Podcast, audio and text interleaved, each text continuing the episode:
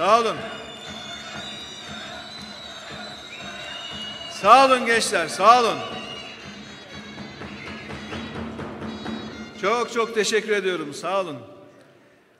Oraya yazmışsınız ama biz gençlerin önünde yürümüyoruz. Gençlerin arkasından yürüyoruz. Sizlerle beraberiz, hep beraberiz. Sağ olun, var olun.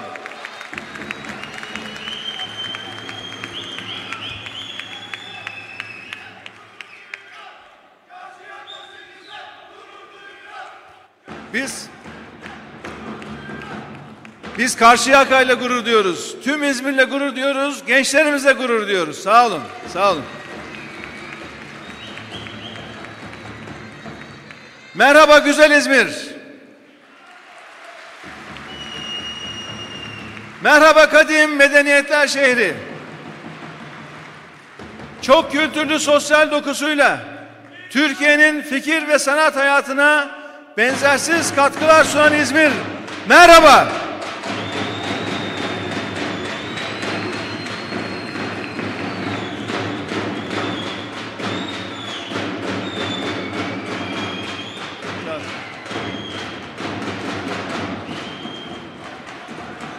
İzmir'in özgürlük ve demokrasi özlemiyle yanıp tutuşan haysiyetli insanları merhaba. Bugün yine çok güzel görünüyorsunuz. Hepinize merhaba. Demokrasisine ve özgürlüğüne aşık olan bu kentte olmaktan büyük bir mutluluk duyuyorum, gurur duyuyorum. Hasan Tahsin'in ilk kurşunu attığı Gazi Mustafa Kemal önderliğindeki milli mücadelemizin zaferle taşlandığı güzel İzmir'i muhabbetle selamlıyorum. Bu gelişimiz böyle soğuk günlere denk geldi ama merak etmeyin en kısa zamanda kordonda imbatın estiği bir gün pasaportta beraberce gevrek yiyeceğiz inşallah. Bunu yapacağız. Biliyorsunuz Türkiye'nin diğer şehirlerinde gevreğe simit diyorlar. Biz buradayız, İzmir'deyiz. Bugün aramızda çok değerli katılımcılar var. Deva Partisi'nin kıymetli genel merkez yöneticileri var. Siyasi partilerin, sivil toplum kuruluşlarımızın saygıdeğer temsilcileri var. Değerli muhtarlarımız var. Çok kıymetli konuklarımız var. Ben burada hepinize, hepinize hoş geldiniz diyorum.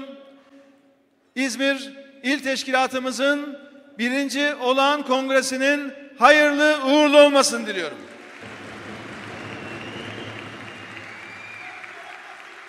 Buradan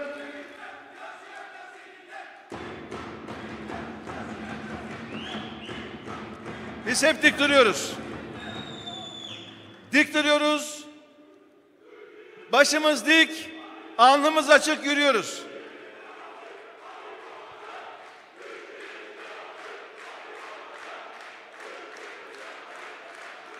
Türkiye'nin devası değerli arkadaşlar sizlersiniz. Gençlerimizsiniz, deva kadroları. Hep beraber Türkiye'nin devası olacağız inşallah. Hep beraber. Buradan yine hem değerli basın mensuplarımızı selamlamak istiyorum. Hem de ekranları başından ve sosyal medya hesaplarımızdan bizleri izleyen tüm vatandaşlarımıza buradan güzel İzmir'imizden merhaba diyorum. Yine hemen sözlerimin başında İzmir'de teşkilatımızın kurulduğu ilk günden itibaren çok yoğun ve başarılı bir faaliyet sürdüren başta değerli İzmir İl Başkanımız Seda Kaya Ösen olmak üzere İzmir İl Teşkilatımızın tüm il yönetim kurulu üyelerine İzmir'deki tüm ilçe başkanlarımıza tüm yönetimlere ve tüm teşkilat mensuplarımıza şükranlarımı sunmak istiyorum. Değerli arkadaşlarım, ülkemiz şu anda gerçekten çok önemli bir yol ayrımında. Ya 84 milyon el ele verip özgürleşeceğiz ya da otokrat rejim bu memlekete iyice perçinlenecek. Ya Türkiye'yi hep beraber bir hukuk devleti yapacağız ya da iktidardaki otoriter ortaklığının ülkemizi sefalete sürüklemesine seyirci kalacağız. Ya Türkiye'yi tam demokrasi rotasına sokacağız ya da demokrasiden bir eser kalmayacak. İşte yol ayrımı bu. Ama emin olun yarının Türkiye'sini özgür, demokratik ve zengin bir Türkiye yapmak arkadaşlar hepimizin elinde. Bizler üstümüze düşen bu sorumluluğun bilincindeyiz. İnanıyorum ki bugünleri anlatacağız. Hep beraber atlatacağız. Tıpkı kabustan uyanıp bir yudum su içer gibi ülkemizi hızla rahatlığa ulaştıracağız. Çünkü çok iyi biliyoruz ki hiçbir baskı rejimi sonsuza dek sürmez arkadaşlar. Hiçbir tarih kitabı baskı rejimlerinin sonsuza dek sürdüğünü yazmaz. Bugünkü otoriter ittifakında son dönemlerini artık yaşıyoruz. Arkadaşlar, iktidardaki bu otoriter ittifak toplumun tüm kesimlerine çok ağır bedeller ödetti, ödetiyor. Bu baskı döneminin en büyük bedelini ise kadınlar ve gençler ödüyor. Her hanenin geçim yükünü üstlenen kadınlar yokluğu ve yoksulluğu bizzat yaşıyorlar. Kadınlar gündelik hayatta fiziksel, ekonomik, psikolojik her türlü şiddetle karşı karşıyalar. Yetmezmiş gibi tek bir kişi bir gece yarısı aklına eseni yaparak gözünü kadınların kazanımlarına dikiyor. Kadınlar hukuksuzluğu iliklerine kadar hissediyorlar, yaşıyorlar. Daha önce de ifade etmiştim. Tarihimizdeki en şiddetli tartışmalar, ideolojik kutuplaşmalar maalesef değerli arkadaşlar hep kadınlar üzerinden yürütüldü. Çağdaşlık tartışmaları hep kadının konumu üzerinden yapıldı. Laiklik kadının kıyafeti üzerinden tartışıldı. Dindarlık kadının başörtüsüyle anıldı. Kadınlar haklarını ararken dahi şu kılık kıyafetine bak. O saatte ne işi varmış? Başında örtü var gibi her türlü haksız ve hadsiz müdahaleyle karşı karşıya kalıyorlar. İşte bu ipe sapa gelmez ideolojik takıntılar bugün de kadınların üzerinde tepinilerek maalesef sürdürülüyor.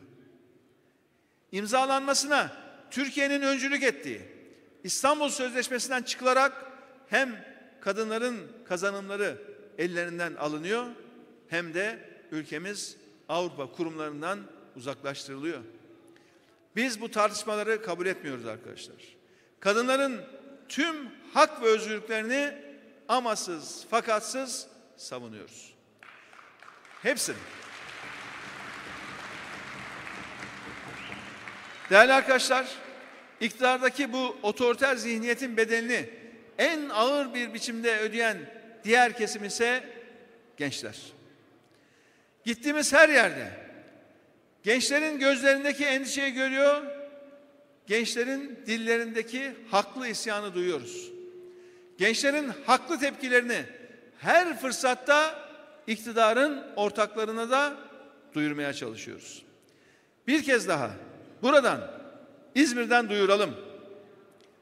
Sayın Erdoğan, Sayın Bahçeli, şimdi size seslenmek istiyorum.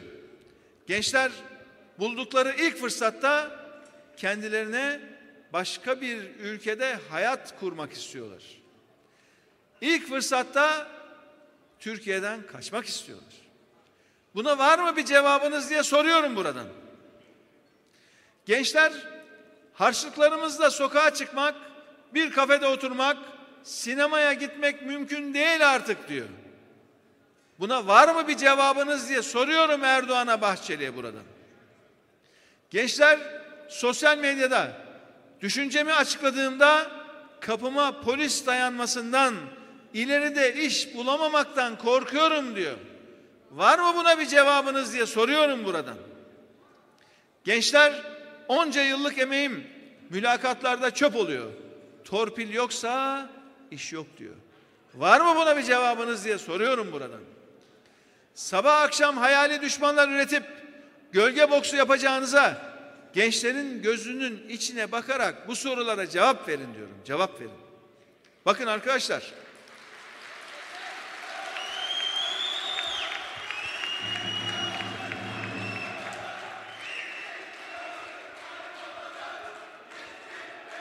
Bakın arkadaşlar. Biz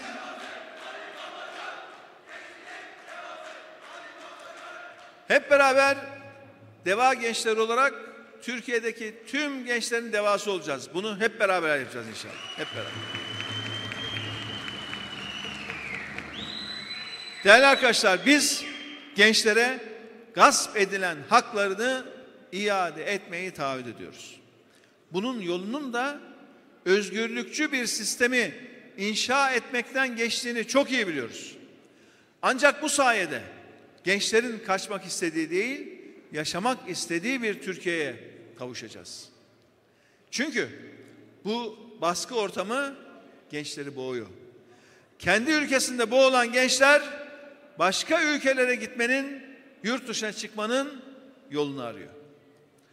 Arada bir YouTube'a bakıyorum. Orada yurt dışına kaçmak isteyen gençlere tavsiyeler diye böyle içerikler var. Bu temalı videolar var. Bu videoları değerli arkadaşlar yüz binlerce gencimiz istemiş. Yüz binlerce.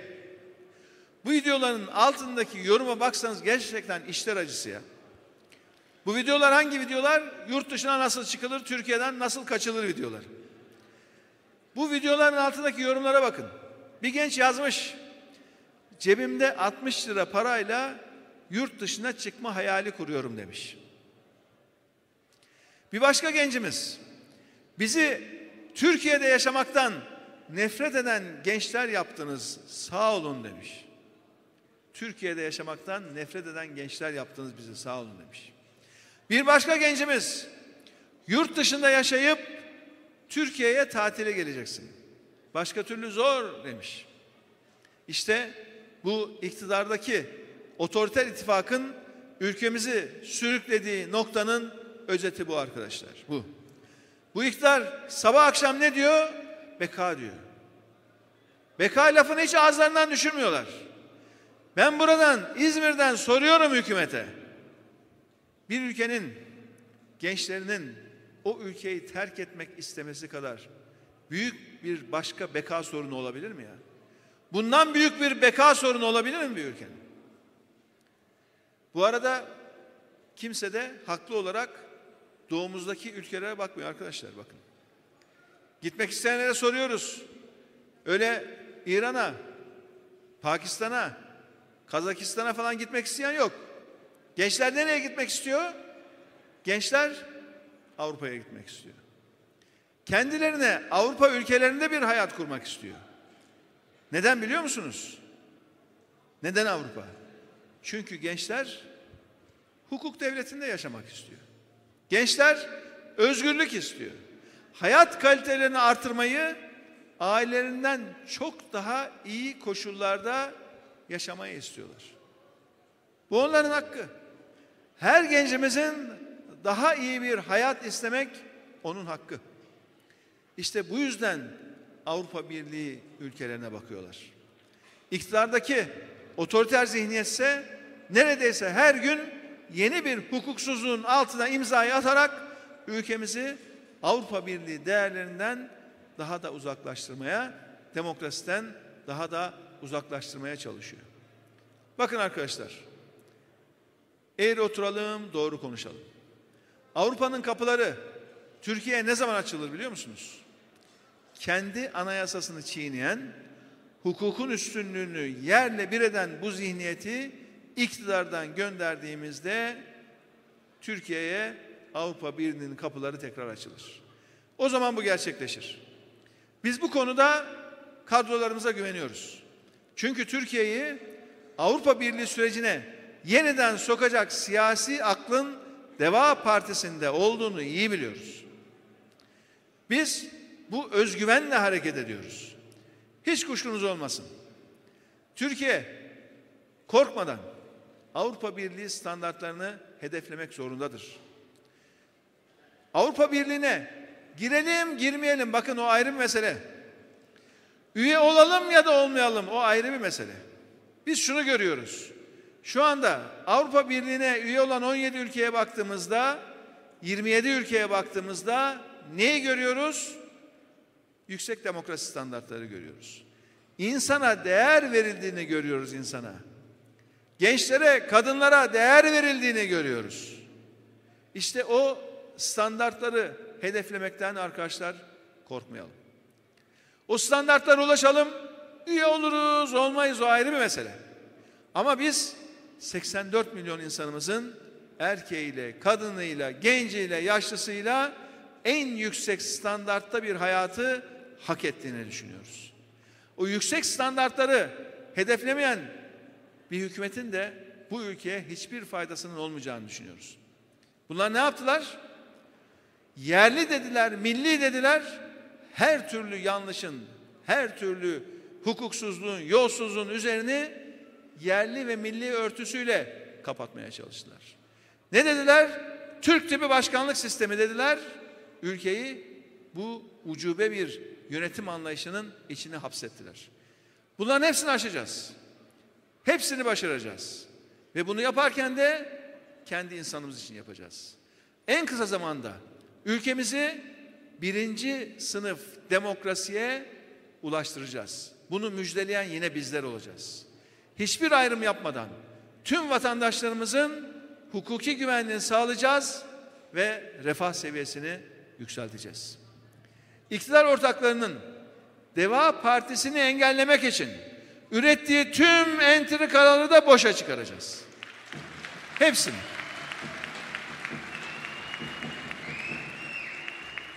Korkuyorlar arkadaşlar, korkuyorlar. Korkuyorlar.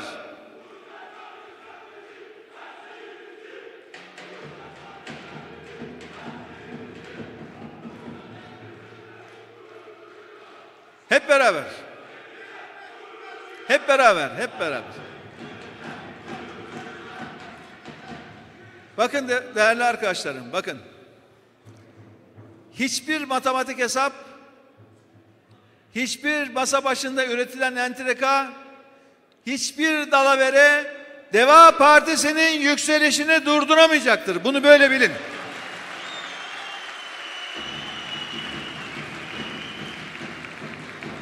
Biz damla damla büyümeye devam edeceğiz. Biriken damla devaları sel olacak, bütün barajları yıkıp geçecek. Hiç endişeniz olmasın.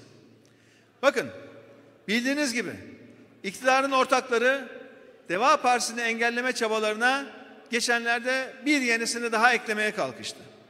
Belli ki Sayın Erdoğan'la Sayın Bahçeli önlerine haritayı koymuşlar masa başı formüllerle jübile seçimlerine nasıl gireceklerini konuşmuşlar. Jübile diyorum jübile. İkisinin de jübilesi olacak. Göreceğiz inşallah.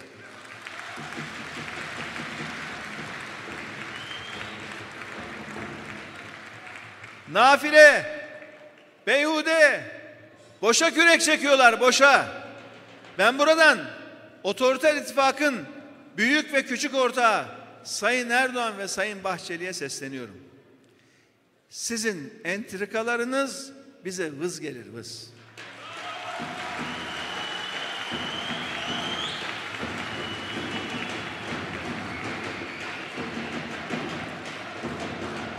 Diyorum ki onlara, onlara diyorum ki, elinizden geleni ardınıza koymayın diyorum. Ne biliyorsanız yapın diyorum.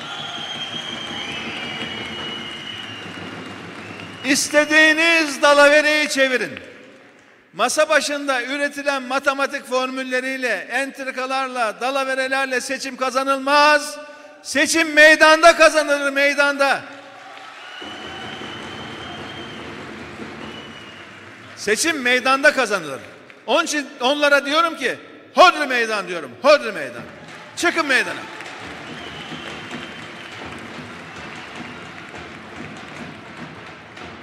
Buradan buradan onlara seslenmek istiyorum.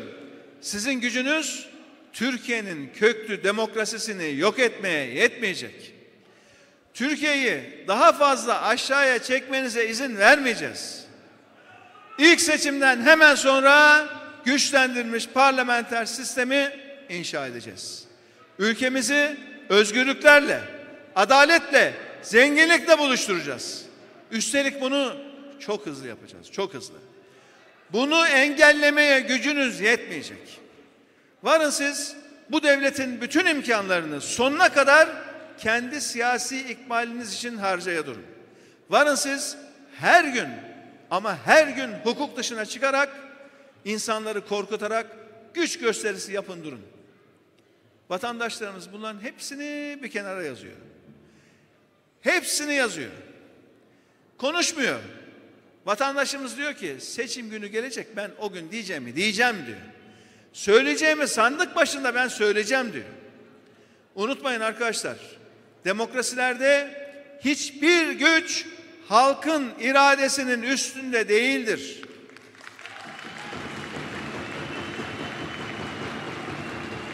İşte biz işte biz gücümüzü halkımızdan, halkımızın ilgi, sevgi ve desteğinden alıyoruz. Unutmayın. Haklı olan güçlüdür arkadaşlar. Haklıysanız güçlüsünüz. Haklı olmanın verdiği gücün yerine başka hiçbir şey geçmez. Onlarsa haksız olduklarını gayet iyi biliyorlar. Vatandaşın gönlündeki yeri kaybettiklerini gayet iyi biliyorlar. Oysa biz gücümüzü haklı olmaktan alıyoruz. Onun için tekrar ediyorum. Buradan İzmir'den onlara sesleniyorum. Tekrar tekrar Hodri Meydan diyorum. Hodri Meydan.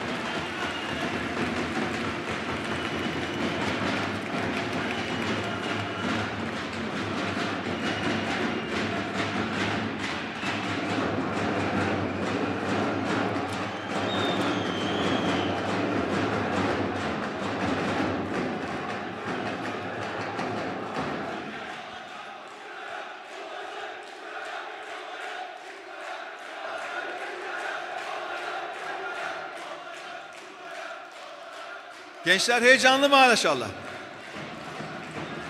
Hep beraber çalışıyoruz, sizler için çalışıyoruz. Merak etmeyin. Hep beraber. Değerli arkadaşlar, anlaşılan o ki seçim hesapları Beştepe'nin kadrolarını epey bir hareketlendirmiş.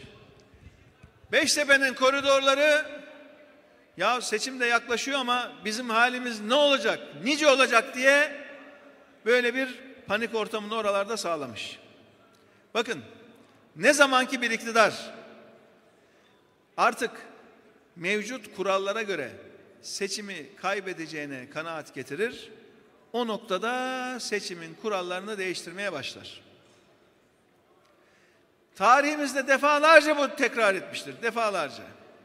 İşte bu son teşebbüs, bu iktidar ortaklarının seçim yasası ile ilgili meclise getirdikleri bu değişiklik önerileri kendi artık gidici olduklarının, kendilerinin gitmekte olduklarının en önemli vesikası.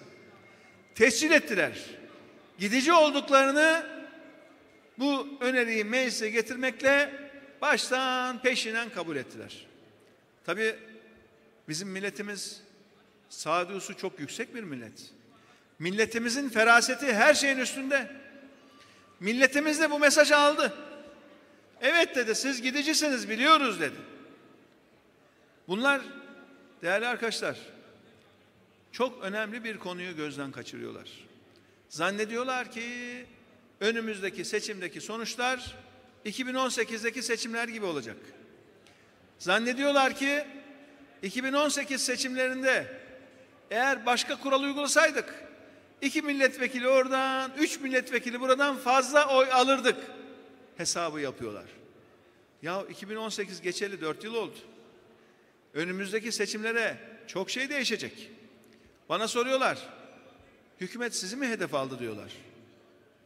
Cumhurbaşkanının konuşmalarını dinlersek öyle görünüyor ama bizi hedef almak kolay değil. Çünkü arkadaşlar biz yerinde duran bir hedef değiliz ki. Biz hızla ileriye koşan bir hedefiz. Biz hareketli bir hedefiz. Yakalayamazlar. Çünkü bugün adım atıyorlar, bir sene sonra işliyor. Bir seneye kadar Deva Partisi nereden nereye gelecek? Bunu hesap edemiyorlar. Anlayamıyorlar. İşte bu kendi kazdıkları kuyunun içine kendileri düşecek. Bugün yaptıkları o matematik formüller bir bakacaklar seçim günü geldiğinde tersine düşmüş. Bir bakacaklar matematik denkleminin öbür tarafında bulacaklar kendilerini. Haberleri yok. Bugün kendilerini güçlü zannedenler o gün vatandaşımızın onlara biçtiği rol neyse o role razı olacaklar. Ekonomik kriz veya faili meşhur cinayetler dönemi denince değerli arkadaşlar ilk akla gelen bazı isimlerden de bakıyoruz medet umar hale gelmişler. Panik halinde bütün düğmelere basıyorlar dikkat edin. Panik halinde ne yaptıklarını bilmiyorlar. Ya diyorum ki enerjinize yazık enerjinize. Bu millet 90'lı yılların siyasi yıkımlarını unutmadı, unutmayacak. Bu millet 90'lı yılların karanlığında ülkenin doğusunda kol gezen beyaz torosları, ülkenin batısında katledilen aydınları ve gazetecileri, Manisa'da gençler için kurulan işkence hanelerini unutmayacak. Arkadaşlar, Türkiye er ya da geç adalete kavuşacak. Devletin içinde hukuka aykırı faaliyet yürüten şebekeler mutlaka temizlenecek. Cirit atıyorlar şimdi ya. Yazıktır günahtır bu ülkeye. Mafyalar, çeteler sardılar etrafı. Ülkeyi yönetenler bakıyoruz iç içe çalışıyorlar. iç içe. İnanın hiçbir masum vatandaşımız boğazında düğümlenen acısıyla artık yaşamayacak bu ülkede. Bundan birkaç ay önce bir mafya liderinin çete benzeri yapılanlarla ilgili bu tür yapılanmalarla ilgili anlattıklarını hep beraber izledik değil mi? Sosyal medyada izlenme rekorları kırdı. İşte kararlı bir siyasi irade iş başına geçtiğinde böylesine hukuk dışı faaliyetlere asla geçit vermeyecek. Devletin resmi belgelerinde dahi kayda geçen Gladio ve benzeri çetelerden mutlaka ama mutlaka hesap sorulacak. Ve değerli arkadaşlar bu hesabı bağımsız ve tarafsız yargı soracak. Bakın. Devlet devlet her türlü hukuksuzluğa karşı hukuk içinde kalarak mücadele verir. Bir yanlışla başka bir yanlış düzeltilmez. Karşınızda çete de olsa, mafya da olsa, terör örgütü de olsa devlet bunlara karşı mücadelesini devlete yakışır bir şekilde yani hukuk içerisinde verir. Bakın arkadaşlar bu noktada bağımsız ve tarafsız yargının altını özellikle çiziyorum. Bağımsız ve tarafsız yargı. Hukuk içerisinde mücadele. Hukuktan sapmadan mücadele. E bunlar yıllarca hukuksuzluk yaptı. Çivi çivi söker. Biz de onların hakkından şöyle böyle gelelim. Yok öyle bir şey. O zaman devlet olmazsınız. Siz de başka bir yapı haline gelirsiniz. Devlet, devlete yakışır bir şekilde hukuk içerisinde mücadelesini verir. Ve bu mücadelenin de en önemli unsuru bağımsız ve tarafsız yargıdır. Hukuka aykırı iş yapar bunlar. Hukuka aykırı işler yapanlar, demokrasimize kasteden, hukuk sistemimizi felç eden FETÖ'nün bulandırdığı suda temizlenemezler. Bu yüzden biz öncelikle yargının bağımsızlığını ve tarafsızlığını tesis edeceğiz.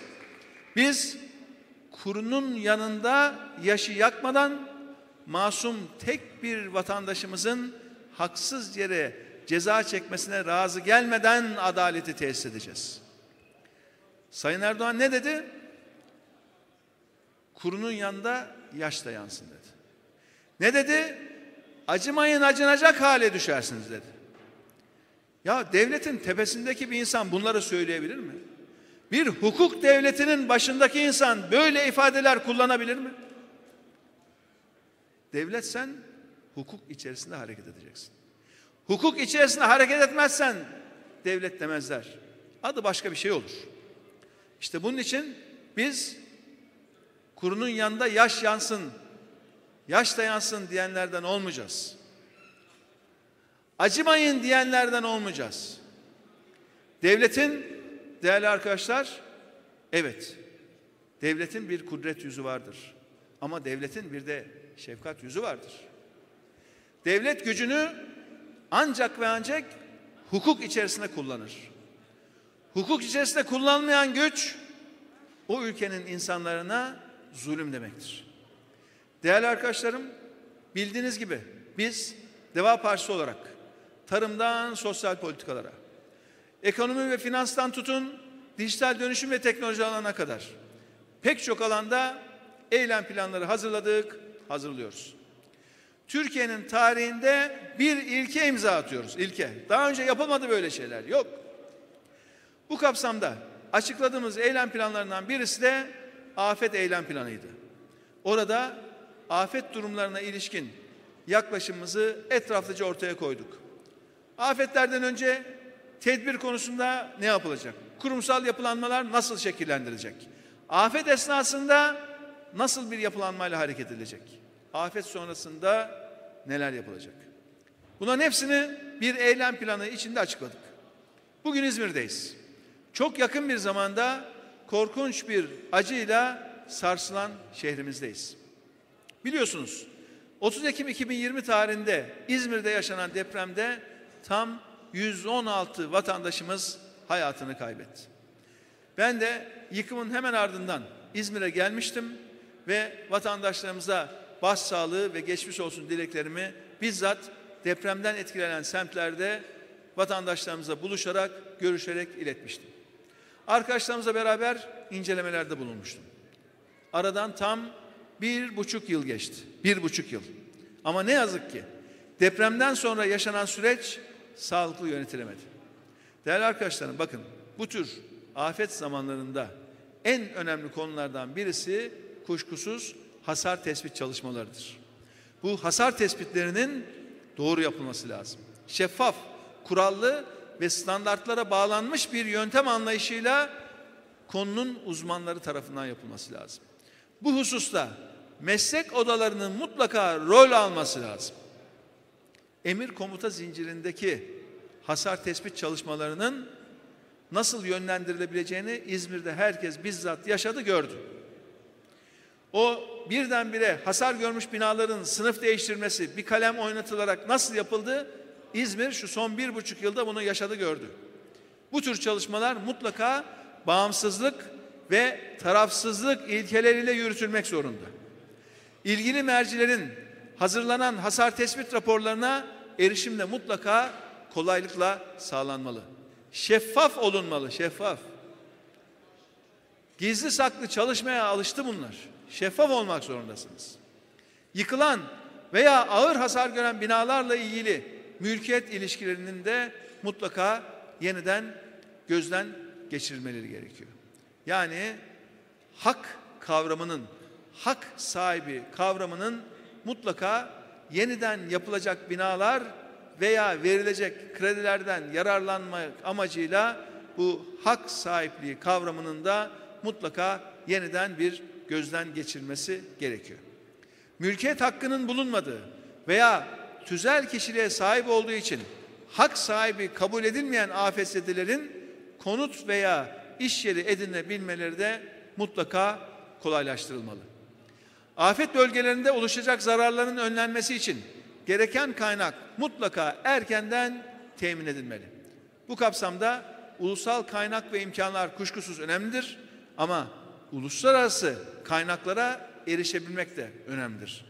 Kalkınma ve yatırım ajanslarının, finans kuruluşlarının uygun koşullu kredi programlarından da mutlaka istifade edilmesi gerekir. Türkiye pek çok uluslararası finans kuruluşuna üyedir, ortaktır, kaynak koymuştur günü zamanı gelince de o imkanlardan yararlanmasını bilmelidir. Ama tabii iş bilenin, kılıç kuşananın, farkında değilseniz o tür imkanlardan yararlanmanız mümkün olmaz. Bilmezseniz ulaşamazsınız, erişemezsiniz. Arkadaşlar bakın afetle mücadelede en önemli hususlardan bir tanesi de bu merkezi yönetimle yerel yönetim arasındaki ilişki. Bu dengeyi mutlaka doğru kurmamız gerekiyor. Merkeziyetçi yönetim anlayışının afet durumlarında etkinliği azalttığında gayet iyi görüyoruz. Türkiye'nin her yerinde müşahede ediyoruz. Bu kapsamda Deva Partisi iktidarında her kademedeki yönetim birimlerinin ve yerel yönetimlerinin rollerini tekrar tanımlayacağız. Şu anda operasyonel sorumluluğun AFAD ve valiliklerin üzerinde bulunması yerel yönetimlerin etkinliğini azaltıyor. Yine özellikle AFAD kuruluş amacına uygun olmayan faaliyetlerde de çok fazla sorumluluk alıyor. Biz diyoruz ki eğer yerinden yönetim diyorsak, yerinden yönetim ilkesini benimsiyorsak AFAD'ın asıl görevlerine odaklanmasının gerektiğini, başka işlere girdiğinde zafiyetler oluştuğunda söylüyoruz. Tüm bunların önüne geçmek amacıyla da afetle mücadelede yerel yönetimlerin yetki ve sorumluluklarının mutlaka ama mutlaka artırılması gerektiğini söylüyoruz. Hatta muhtarlarımıza bile daha çok yetki, daha çok sorumluluk ve daha çok imkan verilmesi gerektiğini düşünüyoruz. Değerli arkadaşlar, merkezi yönetimle yerel yönetim meselesi sadece afet durumlarında da gündeme gelmiyor. Özellikle İzmir herhalde yıllardır bunun acısını, eziyetini her gün çekiyor. Merkezi yönetimle yerel yönetim arasındaki uyumsuzluğun, çekişmenin, kısır kavgaların ve birbirine engel olmanın en ağır sonuçlarını İzmir yaşadı yaşıyor. Bu durum İzmir'in hak ettiği yatırımları alamamasına sebep oluyor. Biz bu haksız ve adaletsiz durumu kesin olarak reddediyoruz. Mesele vatandaşa hizmet ve kentlerimize yatırımsa partiler arası çekişmeye asla izin verilmemesi gerektiğini düşünüyoruz. İktidarın yerel seçimlerde kaybettiği şehirlerimizi farklı yöntemlerle cezalandırmasına, Ankara'nın İzmir'e üvey evlat muamelesi yapmasına da son vereceğiz.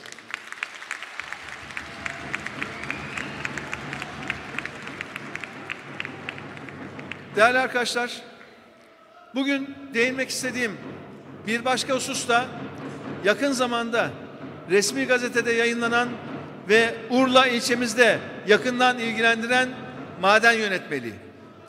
Neymiş? Elektrik üretiminde kullanılan maden sahası zeytinlik alanı içinde kalırsa sahada madencilik faaliyeti yürütülmeye devam edecekmiş. Biz Deva Partisi olarak yasalara açıkça aykırılık teşkil eden bu konuda iptal davasını ilgili yargı birimi nezdinde açtık. Çünkü maden faaliyetleri esnasında oluşacak kimyasal atığın ve tozun dumanın zeytin ağaçlarına ve zeytinliklere büyük zarar vereceğini biliyoruz. Parti programına nesiller arası adalet kavramını yazan ilk parti olarak biz bizden sonraki nesillere yaşanabilir bir ülke bırakma sorumluluğuyla hareket eden bir partiyiz.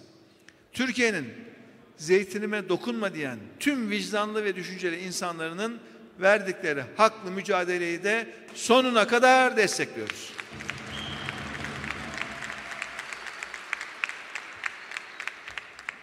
Değerli yol arkadaşlarım, konuşmamın sonunda şimdi sözü sizlere, güzel İzmir'e bırakmak istiyorum. Ve soruyorum, demokrasi ve atılım bayrağını Buca'da, Karabağlar'da, Konak'ta, Gazi Emir'de mahalle mahalle kapı kapı dalgalandıracak mıyız arkadaşlar?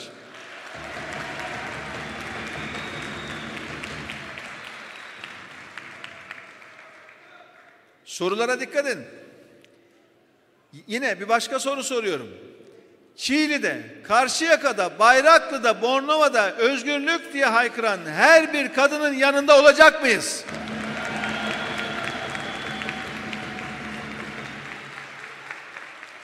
Dikili'nin, Bergama'nın, Kınık'ın adalet arayan yürekli insanlarıyla omuz omuza verecek miyiz? Yokluğun değil, bolluğun Türkiye'sine, Menemen'in, Foça'nın, Ali Ağa'nın fedakar üretçileriyle birlikte yürüyecek miyiz? Menderes'te, Selçuk'ta, Tire'de geçim sıkıntısından şikayet eden vatandaşlarımızla Deva Partisi arasında gönül köprüsü kuracak mıyız?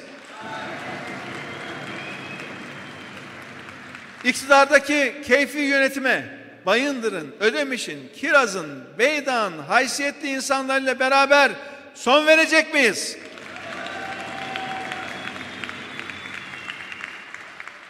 Mücadelemizi Çeşme'nin, Karaburun'un, Urla'nın, Seferihisar'ın köylüsüyle omuz omuza büyütmeye var mısınız?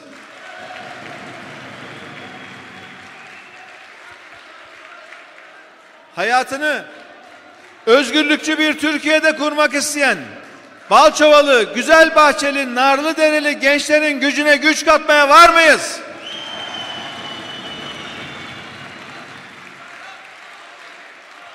Bu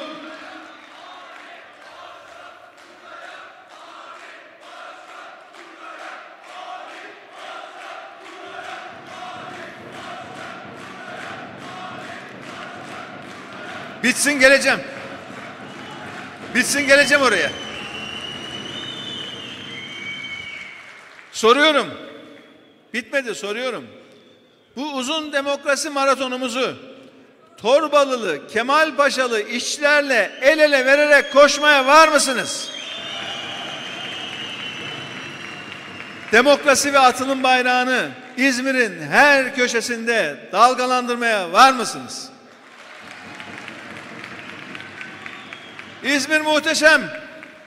İzmir muhteşem.